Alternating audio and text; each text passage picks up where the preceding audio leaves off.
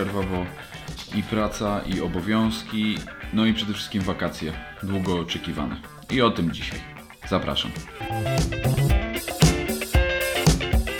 No na wyczekiwane wakacje to chyba nie pojechaliśmy już z żoną bardzo długo, więc jak wiedzieliśmy już, że będziemy jechać na Filipiny, to mm, no czekało się na tę wycieczkę, wiadomo, bo miała być długa i można było odpocząć, zwłaszcza, że wybraliśmy okres, w którym u nas się wtedy ta pogoda pieprzy strasznie i zaczyna się robić coraz zimniej i mokro i nieprzyjemnie.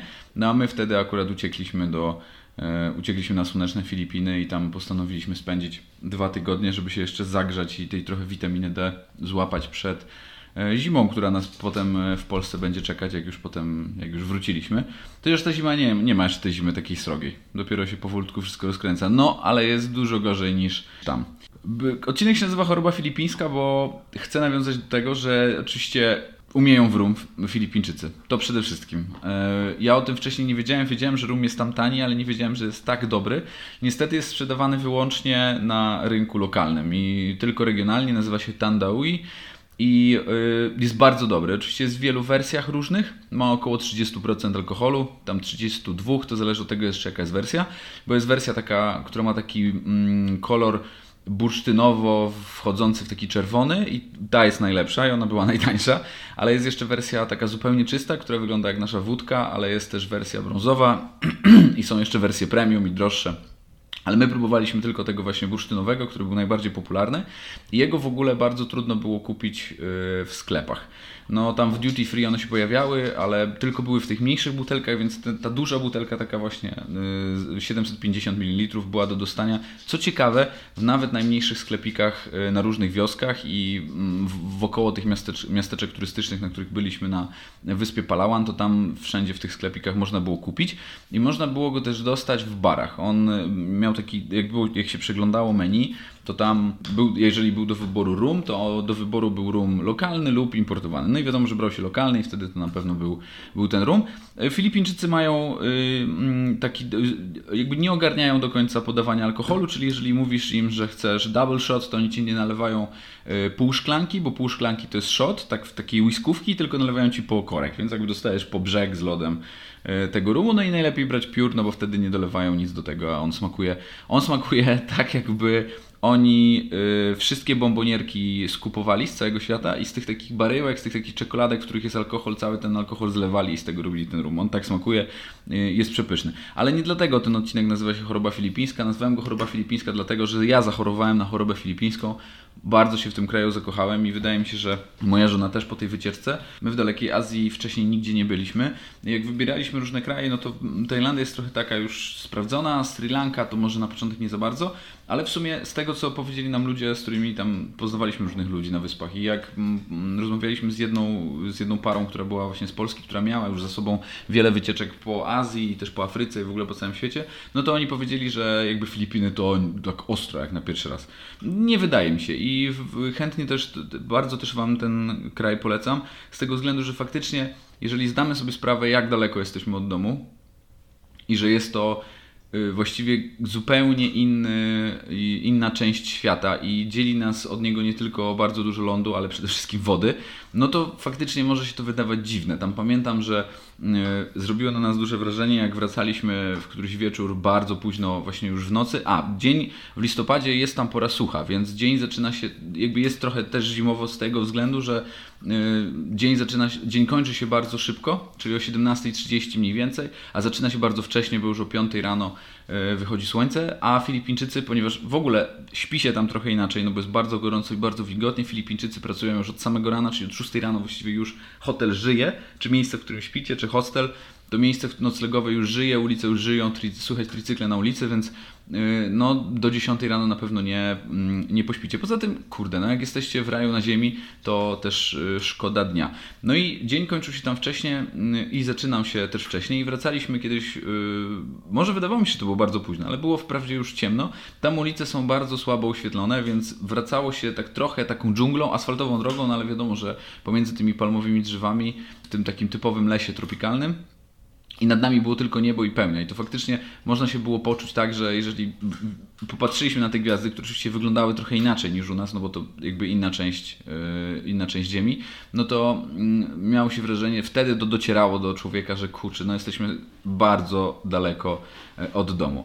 Ale jeżeli się z tym już oswoicie, to jedynie to pomaga przy tym, że, yy, że dobrze, się, dobrze się w ten sposób odpoczywa, bo jesteście trochę odcięci, internet nie zawsze jest dobry, zwłaszcza na tej wyspie Palawan, tam w tym najbardziej turystycznym miasteczku, czyli w El Nido. Blackouty elektryczne są codziennością i my też kilka takich blackoutów przeżyliśmy, więc to nawet lepiej. Wtedy człowiek nie pracuje. Ja akurat na miejscu też y, pracowałem, ale mm, zdalnie, więc jakby człowiek nie ma wtedy wyjścia. Musi odrzucić maila i odrzucić komputer i po prostu cieszyć się miejscem, w którym, w którym jest. Nie będę tu Wam mówił takich bardzo turystycznych rzeczy i takich, które usłyszycie czy przeczytacie na różnych blogach, bo tych informacji o Palałanie jest mnóstwo. Kanałów na YouTubie są tysiące, które o Brytyjczykach, Amerykanach, parach, które wyjeżdżają, które tam mieszkają i e, które my też przeglądaliśmy, żeby dowiedzieć się, co się na, na Filipinach dzieje. I co na Filipinach najbardziej robić? Możecie to wszyscy sprawdzić sami i w sumie to jest najfajniejsza przyjemność przed tą wycieczką. Powiem Wam tylko kilka takich y, rzeczy, które w sumie takich też trochę mitów, które nam się udało obalić, ale też rzeczy, na które bardzo zwracać uwagę i którymi się też do końca nie przejmować. Filipiny są tanie. 16 mm, pesos to jest y, filipińskich, to jest, to jest jakaś ponad złotówka, czyli taka liczba, którą najlepiej się posługiwać to oczywiście 50 pesos. Za 50 pesos można kupić drina, albo za 100 pesos można kupić drina, ale można też przejechać tricyklem dość pokaźną odległość, to jest od 5 do 8 km. I 100 pesos to jest około to jest jakieś ponad 7 zł, czyli ta kwota jest. Yy, za tę kwotę możecie zrobić dużo na Filipinach, natomiast dla nas nie jest to kwota taka bardzo yy, wysoka. No natomiast noclegi w tych najbardziej turystycznych miejscach yy, potrafią być trochę droższe. To trzeba na pewno brać pod uwagę. Suma oczywiście będzie całej wycieczki się zwiększać, jeżeli biletu nie kupicie y, wcześniej. Najlepiej kupić go z dużym wyprzedzeniem, więcej niż pół roku do roku wyprzedzenia i nie cackać się, bo jest bardzo dużo promocji na takich porządnych liniach, jak na przykład linię Kataru. My leciliśmy z Katarem, leciliśmy bezpośrednio przez Dohę, czy bezpośrednio z przysiadką w Doha, ale to jest właściwie transfer, to jest tylko kilka godzin i potem do Manili i z Manili potem już ruszaliśmy dalej. I no, w takich liniach lotniczych leci się trochę lepiej. Jest więcej miejsca, są dobre filmy w, w samolocie, więc można sobie. Jest nawet Wi-Fi e, darmowe, więc możecie sobie mm, spokojnie poradzić e, z, taką, z takim strachem też lotniczym, jeżeli go macie, czy z tym, że po prostu źle, źle spędzacie czas w samolocie. Jeżeli właśnie jest Wam niewygodnie, nie możecie zasypiać, to pamiętajcie, że jeżeli nie macie z tym problemu, to warto poprosić o, o większą ilość alkoholu niż normalnie można ją dostać, żeby Y, układ krwionośny pracował przez te kilkanaście godzin tak jak, e, tak jak powinien, albo po prostu, żeby się znieczulić i, i pójść spać i nie ma w tym e, zupełnie nic złego. No ale drugą, drugą sprawą mogą być e, też filmy. W, potem, jeżeli będziecie chcieli kupować loty pomiędzy wyspami, no to my przeczytaliśmy taką informację, że one na miejscu są tańsze. E, dowiedzieliśmy się też o tym, ale to nie do końca jest prawda, w sensie one właściwie kosztują tyle samo lub są trochę droższe, więc lepiej kupować je wcześniej. Jeżeli wiecie, gdzie dokładnie podróżujecie i z której wyspy, na którą będziecie się przemieszczać, to lepiej kupić te bilety na liniach lotniczych między wyspami e, wcześniej. One powinny być wtedy jakąś stówkę złotych e, droż, tańsze, więc lepiej mieć je wcześniej. Wiadomo, że różne rzeczy się dzieją, zwłaszcza jeżeli jedziecie tam pierwszy raz, to to się może wydawać takie bardzo przytłaczające wszystko, bo nie wiecie, nie wiecie gdzie, nie wiecie co, nie wiecie jak, y, nie znacie też ludzi, jeżeli jedziecie tylko na przykład we dwójkę, więc łatwiej y, może się z tym oswoić, kiedy jesteście na miejscu i kupujecie te bilety na lotnisku i pytacie ludzi bezpośrednio, ale faktycznie taniej wyjdzie, jeżeli zrobicie to wcześniej. Oczywiście koszta podnoszą też szczepionki, które musicie wykonać, ale to też bez obaw, bo my na przykład mocno zostaliśmy przestraszeni przez kilka informacji, że faktycznie Filipiny są takim miejscem, gdzie od razu po przylocie dostaniecie malarii i dengi. No i nie jest tak. W sensie w tych miejscach, które są, wiadomo, że faktycznie tych owadów jest jest dużo, ale w tych miejscach, które są bardzo turystyczne, y, te komary są oczywiście, ale jest tam też bardzo dużo ludzi, jest tam też bardzo duża czystość, ponieważ tam cały czas te miejsca się budują i rozrastają. Y, El Nido na przykład na Palawan się rozrasta właściwie jest budowane y, w mgnieniu oka cały czas. Pewnie stanie się też y, przez to droższe, ale miejscowi w miejscach noclegowych, knajpach bardzo dbają o czystość, bardzo dbają o to, żeby turyści czuli się tam dobrze, więc spokojnie. To znaczy szczepionki oczywiście zróbcie, ale nie bójcie się tak bardzo tej wycieczki. Jeżeli nie będziecie się faktycznie zapędzać z maczetą w, w nieznaną dżunglę bez przewodnika, to spokojnie sobie poradzicie z dobrym repelentem i, i szczepionkami. Poza tym wszystkie te, nawet takie tańsze miejsca noclegowe, one mają klimatyzowane, zamknięte pomieszczenia, one są bardzo szczelne. Poza tym, uwaga, to, to jest fantastyczna rzecz, rzecz do obserwacji. One się nie pojawiają oczywiście w tych droższych miejscach noclegowych. Mieliśmy okazję być w takim jednym tańszym, które, yy, które miało całą po prostu wylęgarnię gekonów. Gekon, czyli to taka mała jaszczurka, która jest też w Polsce u nas udomowiona, to jest właściwie zwierzę narodowe, taki symbol narodowy Filipin.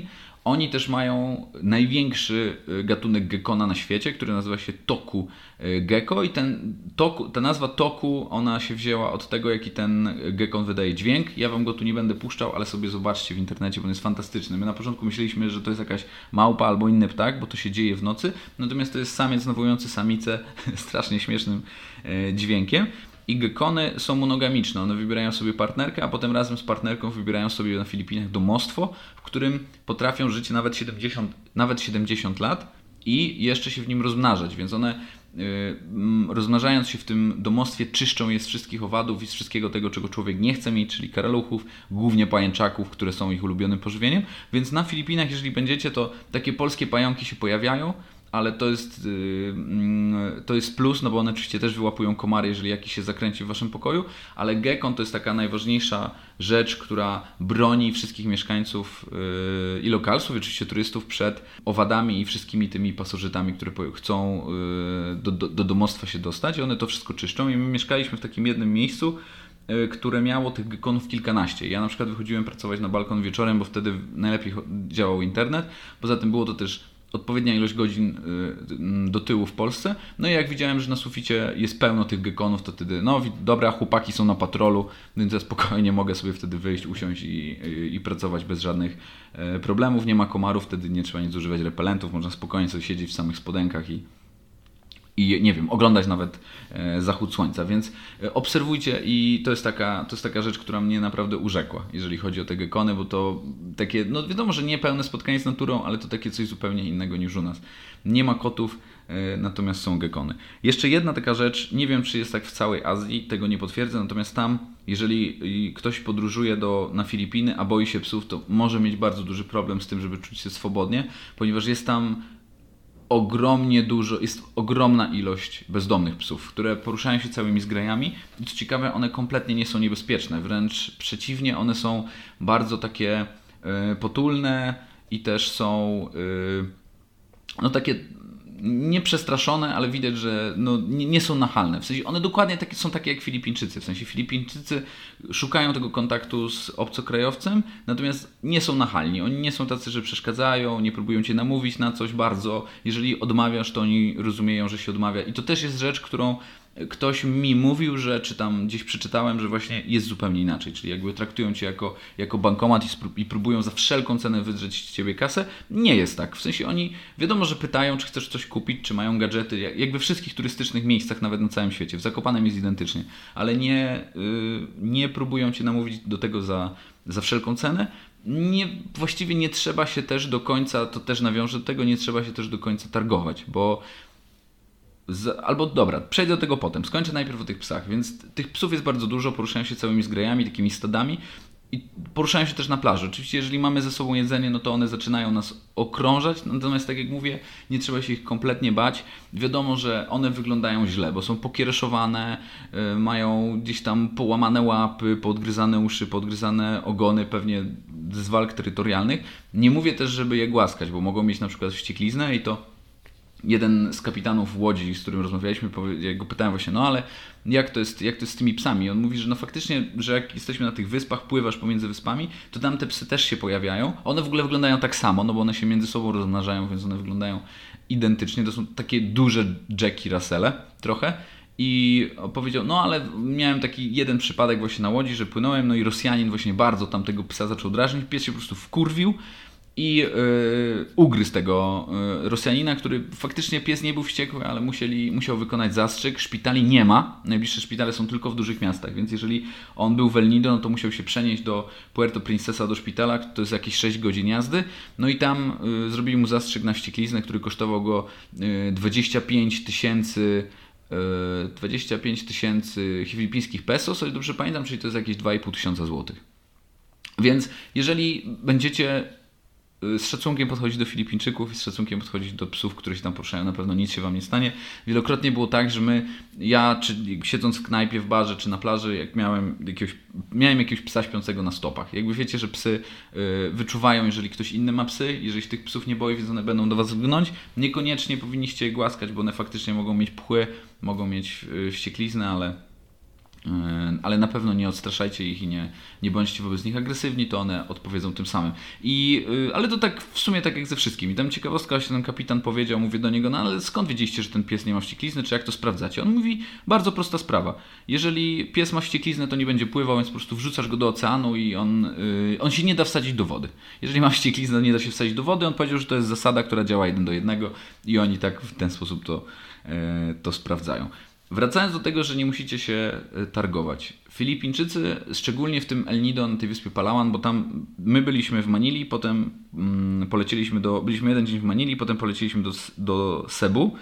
E, byliśmy w Cebu City i stamtąd poleciliśmy do Puerto Princesa i prosto do El Nido, to już jest na wyspie Palawan. I stamtąd wróciliśmy do Manili. I my w tym mm, El Nido siedzieliśmy bardzo długo i jakby polecam Wam też y, siedzenie dłużej, to znaczy wybierzcie sobie 3-4 punkty, w których chcecie być i mm, transportujcie się dłużej. W sensie, znaczy nie transportujcie się dłużej, tylko nocujcie dłużej, bo widzieliśmy też osoby, czy tam gadaliśmy z grupami, które podróżowały tak, że co dwa dni na przykład skakały po tych wyspach i one były totalnie wykończone. W sensie jakby nie, nie czuły tej przyjemności bycia w tamtym kraju. Poza tym, jeżeli jesteście w jednym miejscu dłużej, no to wiadomo, że będziecie mogli trochę wsiąknąć w ten folklor, wsiąknąć w tę kulturę, która jest na danym miejscu, a to jest oczywiście mega ciekawe, bo, no bo rozmowy z Filipińczykami, czy w ogóle rozmowy z ludźmi z kraju, który jest tak daleko są, są ciekawe, bo ci ludzie mają bardzo dużo do powiedzenia. No i właśnie y, przez to, że rozmawialiśmy też z lokalsami, no to dowiedzieliśmy się, że y, Filipińczycy mają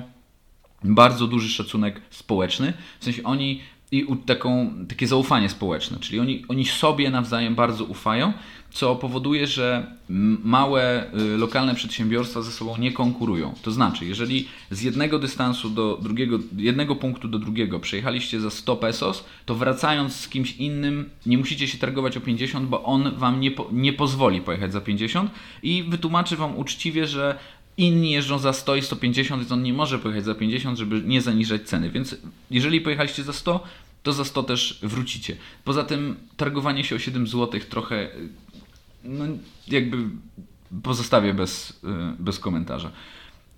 I tak samo jest też z tymi wszystkimi takimi rzeczami, które chcecie robić turystycznie, czyli wychodzenie na jakieś wzgórza, yy, pływanie pomiędzy wyspami, bo tam są tury, które nazywają się A, B, C i D i one we wszystkich hotelach są bukowane tak samo, za dokładnie taką samą cenę. Przewozy z pomiędzy miasta a hotelu dokładnie wszędzie kosztują tyle samo i nie dacie rady wytargować tego niżej, ponieważ jest pewne minimum, którego oni się trzymają, żeby ze sobą nie konkurować, natomiast żeby ten rozwój yy, lokalnego biznesu był większy. No i w sumie, jeżeli chcecie założyć biznes na Filipinach, to właśnie ten też jeden z kapitanów właśnie opowiadał mi, że ludzie robią błąd. Tam oczywiście bardzo dużo jest par y, starszych facetów, obcokrajowców, y, którzy są z młodymi y, dziewczynami filipińskimi, z jakimiś tam malutkimi dziećmi.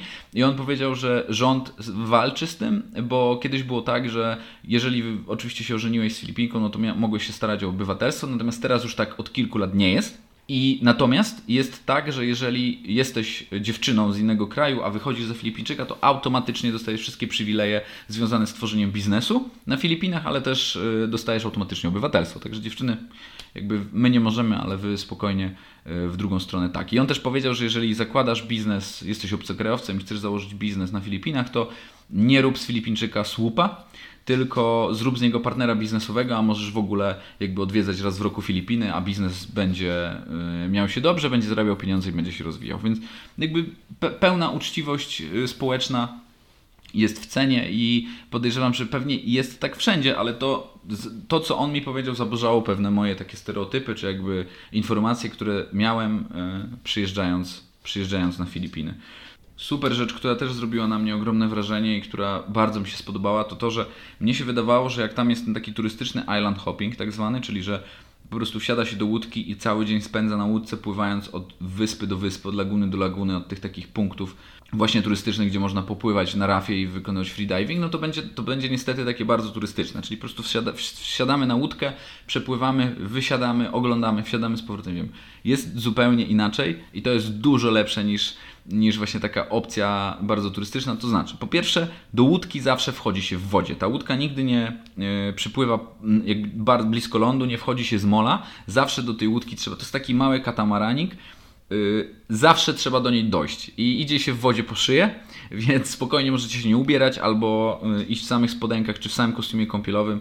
Cała, na, przez całą wycieczkę 8 godzinną będziecie mokrzy, więc w ogóle nie ma sensu nawet brać ręcznika. Jakby to, to w ogóle się mija z celem i to jest ekstra.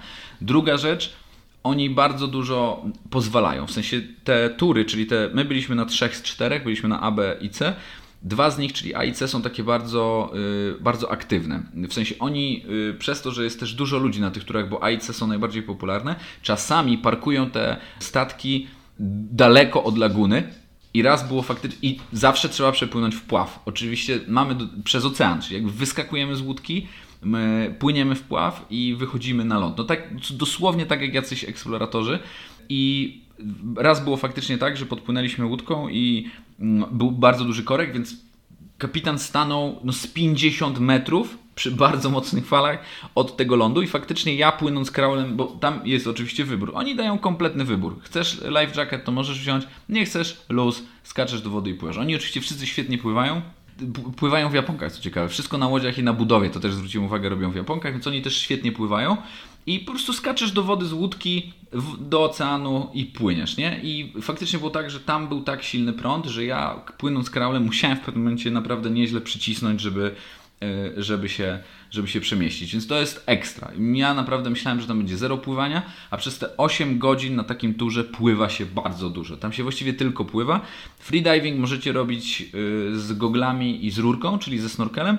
E, ale nie musicie. Na przykład ja wolę i dla mnie tak było wygodniej, schodząc na 3-4 metry na głębokościach 80 metrów do rafy, na freedivingu schodziłem samymi goglami. Jeżeli dobrze pływacie, dobrze nurkujecie i lubicie tego typu sportową aktywność, to to jest Mistrzostwo Świata, bo właściwie na każdej lagunie, a takich lokalizacji jest 5 na każdym turze, jeżeli wybieracie sobie jeden tur, to on tam trwa od 8 rano do 16, no to będziecie pływać yy, na tym freedivingu właściwie na każdej lagunie. Więc jeżeli ktoś lubi pływać i lubi sport, to, to, się, to po prostu będzie zachwycony y, tymi wycieczkami. To jest taka rzecz, która nie jest opisywana bardzo na tych y, wszystkich blogach i też y, na vlogach tego nie widzimy. Głównie z tego względu, że faktycznie jeżeli ktoś pływa słabiej, oni też zwracają uwagę na to, jeżeli gdzieś prąd jest bardzo mocny. Było, było takie miejsce, gdzie szukaliśmy żółwi i, i fale były bardzo mocne i zrzucały na takie wielkie wulkaniczne skały, no to wtedy trzeba pływać w kamizelce ratunkowej i ja oczywiście też się też się do tego słuchałem. Natomiast jeżeli tych fal aż tak mocnych nie ma, no to oni pozwalają e, pływać i jakby mieć przyjemność z aktywności sportowej w tak pięknym miejscu bez żadnych ograniczeń. Czyli jakby nie ogranicza cię rurka, nie ograniczają cię płetwy, nie ogranicza cię mm, kamizelka. Yy, kamizelka ratunkowa, tak to chciałem powiedzieć. Właśnie nie ogranicza cię też właśnie ten, ten life jacket. Na łodziach dostaje się lunch Lunch jest przygotowany totalnie ręcznie przez, cały, przez, przez szefa na łodzi przez cały okres ten y, kursu, czyli jeżeli rejsu, czyli jeżeli płyniemy, no to on tam od początku tnie te rzeczy. To są bardzo proste rzeczy. Tam jakaś świnka, jakiś kurczak, oczywiście bardzo dużo dobrych owoców, do tego czasem się pojawi jakiś squid, opór, dużo ryżu, yy, co tam jeszcze, warzywa, więc yy, no ma to niesamowity klimat. Naprawdę, jeżeli graliście w Assassin's Creed Black Flag, to to jest dokładnie kubek w kubek, tak jak, jak jest to, jak się pływało tam między tymi wyspami Nassau, jak się pływało na Bahama i to, to dokładnie tak wygląda. Jeszcze taka jedna ciekawostka, na którą warto zwrócić uwagę, to no właśnie jedzenie też. Jedzenie nie jest, nie jest złe. Yy, najgorsza rzecz, jaka tam jest do zjedzenia, to niestety ich fast food. Oni nie potrafią w, w junk food i nie potrafią, nie potrafią robić tych rzeczy fast foodowych. Mają takie swoje wersje, typu na przykład jakieś dziwne kotlety ze spaghetti, które nie ma sosu i makaron jest zimny, na to jest po prostu ketchup. Albo jakieś takie dziwne kombinacje kurcza, właśnie takiego fried chicken, tylko on jest po prostu wstrętny i nie da, się go, nie da się go w żaden sposób zjeść, więc jedzcie to, co oni w tych knajpach polecają filipińskiego. Ja dokładnie nie pamiętam, jak się te, jak się te zestawy nazywają, ale mają bardzo dobre takie kombinacje ryżu z jajkiem sadzonym, które mieszają właśnie e, ze świnką, z kurczakiem, z jakimiś właśnie owocami morza i to są bardzo dobre rzeczy, bardzo tanie, można na tym e, spokojnie jechać. Do tego albo rum, albo kawę, którą też tam można znaleźć yy, bardzo dobrą w niektórych miejscach, no albo oczywiście piwko. Oni mają swoje piwko, też lokalne, nazywa się San Miguel i ono jest trochę taką kopią Budweisera, bo San Miguel Light wygląda dosłownie jak Bud Light, a jest, to jest, browar jest w Manili, więc to jest jakby produkowane totalnie y, na Filipinach. A, a, ten czerwony San Miguel, który się nazywa Red Horse, on jest mocniejszy, on ma tam 6% alkoholu, to on trochę przypomina jedno takie hiszpańskie piwo, które nie pamiętam jak się nazywa i które piłem w Barcelonie. Więc jakby dwie kolonie, które były na Filipinach, czyli kolonia amerykańska po wojnie na Pacyfiku i kolonia hiszpańska oczywiście w czasach wcześniejszych, e, no to oni, to jakby to się odbija w tym, jak wyglądają, jak wyglądają ich piwka. Jeszcze taką jedną ciekawostką, z której ja na przykład byłem też bardzo zachwycony, bo sam jestem sportowcem, to to, że koszykówka jest sportem narodowym Filipin. Wygląda oczywiście inaczej, w sensie oni po prostu są rozmiarowo trochę mniejsi, więc grają inaczej i nie grają też oczywiście na tak wysokim poziomie, ale robią to z niezwykłą pasją i zaangażowaniem, którym, którym zarażają nas. Też jeden kapitan Łodzi zaprosił na swój mecz. Okazało się, że w El Nido wieczorami, właściwie w każdy dzień, ale te najbardziej, te najlepsze mecze, przynajmniej ta ekipa grała zawsze w niedzielę, są właśnie w niedzielę wieczorem. Tam jest boisko przy y, ratuszu, obok kościoła, przy szkole i jak się tam pójdzie, to właściwie w każdy wieczór od 20 czy tam od 19 oni grają, tak, jest, boiska są zawsze takie zadaszone i oni tam grają w kosza i można poglądać jak jeden właśnie ten crew z jednej łodzi gra przeciwko drugiemu zespołowi, który obsługuje inną łódź, a oni ze sobą walczą. Totalnie podrobione stroje z kosmicznymi logotypami, robione na wzór NBA, trochę na wzór kosmicznego meczu, jaskrawe kolory i ta gra, która jest strasznie dynamiczna z komentatorem, z przerobionymi na filipińską modłę y, rapowymi hitami ze Stanów Zjednoczonych. Coś niesamowitego, naprawdę warto to zobaczyć, bo to jest coś kompletnie innego. I oni są tak mocno zaangażowani w tę koszykówkę, że mają własną ligę uniwersytecką, która nazywa się NCA Spacja A. I mają też dwie własne ligi zawodowe, w których grają też Amerykanie, grają też zawodnicy importowani i to jest dla nich mega ważne. W sensie jakby koszykówkę ogląda tam każdy, każdy w koszykówkę potrafi grać i to jest też trochę tak, że chyba koszykówka jest dla nich takim trochę taką trochę możliwością ucieczki od tego całego e, od tego całego takiego kryzysu, który tam jest, bo nie ma co ukrywać, bo ja mówię tu cały czas o superlatywach, ale mieliśmy okazję przejść się wieczorami w takie no nie, nieciekawe y, dzielnice w tym kraju i faktycznie kontrast jest bardzo duży. Mm, są biznesowe dzielnice, które mają wieżowce i organizują nocne markety, tak jak na przykład w Sebu byliśmy na takim nocnym markecie, ale są dzielnice, w których ludzie żyją bardzo źle yy, i w tych, tych, też w tych małych miasteczkach i wioskach yy, te warunki życia są, są tak złe, że nie wiem, czy w Polsce w najgorszym miejscu gdzieś na wsi yy, nie byłoby tysiąc razy lepiej niż, niż tam. Ale oni są do tego kompletnie mm, przyzwyczajeni, są bardzo uśmiechnięci, bardzo życzliwie podchodzą do wszystkich, którzy się do nich odzywają jeżeli zagadacie do Filipińczyka, on będzie zachwycony. Na pewno będzie mówił po angielsku, opowie wam co chcecie, jak chcecie. Y, nie spotkaliśmy się ani raz z czymś takim, że czuliśmy się źle w jakimś miejscu, albo czuliśmy się y, y, niebezpiecznie. Faktycznie Manila jest takim miejscem, że mm, no nie chce się tam wracać, faktycznie nie ma tam co robić i widać na niej ten kryzys, który odbija się na całych Filipinach głównie, ale w innych miejscach, szczególnie w tych najbardziej turystycznych i w tych takich małych miasteczkach, małych wioskach, nie ma szans, żebyście się poczuli jakoś bardzo bardzo, żebyście się poczuli w ogóle niekomfortowo. To jednak, jednak sprawia, jednak w sumie też ten lokalny biznes na to wpływa, bo gdyby tam jeden turysta po prostu zaginął, no to wiadomo, że cała, cała grupa turystów na następny dzień siedziałaby już w samolotach i wracała, na, wracała do Manili i do domu, a to wtedy zabiłoby totalnie lokalny biznes, który opiera się no, w głównej mierze, powiedzmy sobie szczerze, na, właśnie na turystyce.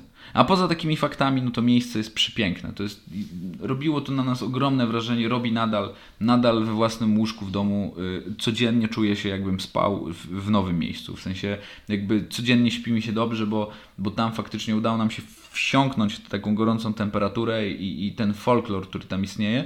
No i pogoda w listopadzie, ponieważ zaczyna się pora sucha, nie ma jeszcze dużo turystów, jest bardzo mało ludzi. To się wszystko dopiero tam rozwija, więc to też jest taki okres, który serdecznie polecamy, jeżeli chodzi o wycieczkę do Manili, bo od grudnia do marca tam będzie Saigon. Jest tam przepięknie. To jest raj na ziemi, to jest miejsce, które dla człowieka, który oglądał, podróżował nawet po Europie, czy widział Stany Zjednoczone, to jest taka, mm, to jest taki krajobraz, którego, którego nie da się chyba nigdzie powtórzyć jeżeli nie byliście szczególnie nigdzie w Azji, bo podejrzewam, że te krajobrazy do Indonezji, czy tam właśnie Malezji, yy, czy właśnie Sri Lanki mogą się troszeczkę powtarzać, to yy, warto chyba zacząć od Filipin, bo one robią takie, nie wiem nawet jak to nazwać, takie trochę, może nie kosmiczne, senne, pirackie, takie... No wręcz książkowe, jakieś baśniowe pierwsze wrażenie, które, którego nie da się zetrzeć. I im dłużej tam jesteście, tym bardziej przekonujecie się w tym, że jest to miejsce, które nie zasługuje na zaśmiecanie plastikiem. Oni też bardzo mocno na to zwracają uwagę. Na, do tych turystycznych miejsc płaci się tak zwany environmental fee dodatkowo, czyli jakby płaci się taką opłatę środowiskową, żeby, to, żeby ludzie utrzymywali to w czystości. Nie wolno zabierać, oni kapitanowie zwracają uwagę na, na łódź, nie wolno wziąć plastikowej butelki nie ma słomek, nigdzie nie dostanie się słomka. W maku y, do McFlary są tylko drewniane łyżki, nie dostaje się też słomki do kubka, więc oni nie zasługują na to, żebyśmy ich zaśmiecali i na pewno nie zasługują na ten kryzys, który tam mają i na to, co przez mm, jakby historię się im przydarzyło, bo tam faktycznie działo się bardzo dużo. Mm, to też taki fakt, y, Manila jest najbardziej była najbardziej zniszczonym i zdemolowanym miastem po Warszawie w czasie II wojny światowej. To mało kto o tym wie, właściwie w, szkołach to, w szkole to się u nas, w szkołach to się w ogóle o tym nie mówi. I, I to też trochę, oni są w sumie trochę do nas podobni. Tak jak teraz, jak to wszystko z siebie wyplułem i opowiedziałem całą tę historię, to faktycznie oni, oni są trochę do nas, yy, do nas podobni. Także jedźcie na Filipiny. Piękny kraj, pie niesamowici ludzie, fantastyczne doświadczenia nie bójcie się y, podróżować. Ja słyszałem kiedyś takie powiedzenie, że podróże kształcą ludzi, ale tylko wykształconych. Nie zgadzam się z tym, nie do końca. To zależy też, zależy też jak otwieramy się na to, co widzimy. Jeżeli bardzo otworzycie się na, na ten folklor, na tych ludzi, nie dacie się przestraszyć tymi epidemiami, tym, że jest niebezpiecznie, że jest daleko przede wszystkim, tylko dacie się y, po prostu ponieść, w pozytywnym tego słowa znaczeniu wrażeniom i tym emocjom i tym uczuciom i wartościom, które też y, pokazują albo przekazują wam ludzie miejscowi, bo oni są bardzo życzliwi i trud, nie da się od nich uciec. Tam na miejscu trzeba być jednak trochę otwartym i trzeba y, nie raz y, z ludźmi tam rozmawiać, więc introwertycy mogą mieć, mogą mieć trochę z tym problem. To, to będzie na pewno niezapomniana, niezapomniana podróż. A w następnym odcinku o wydarzeniu najważniejszym dla polskiego środowiska lacrosse, ale to tak jak powiedziałem w następnym odcinku. Dzięki, cześć.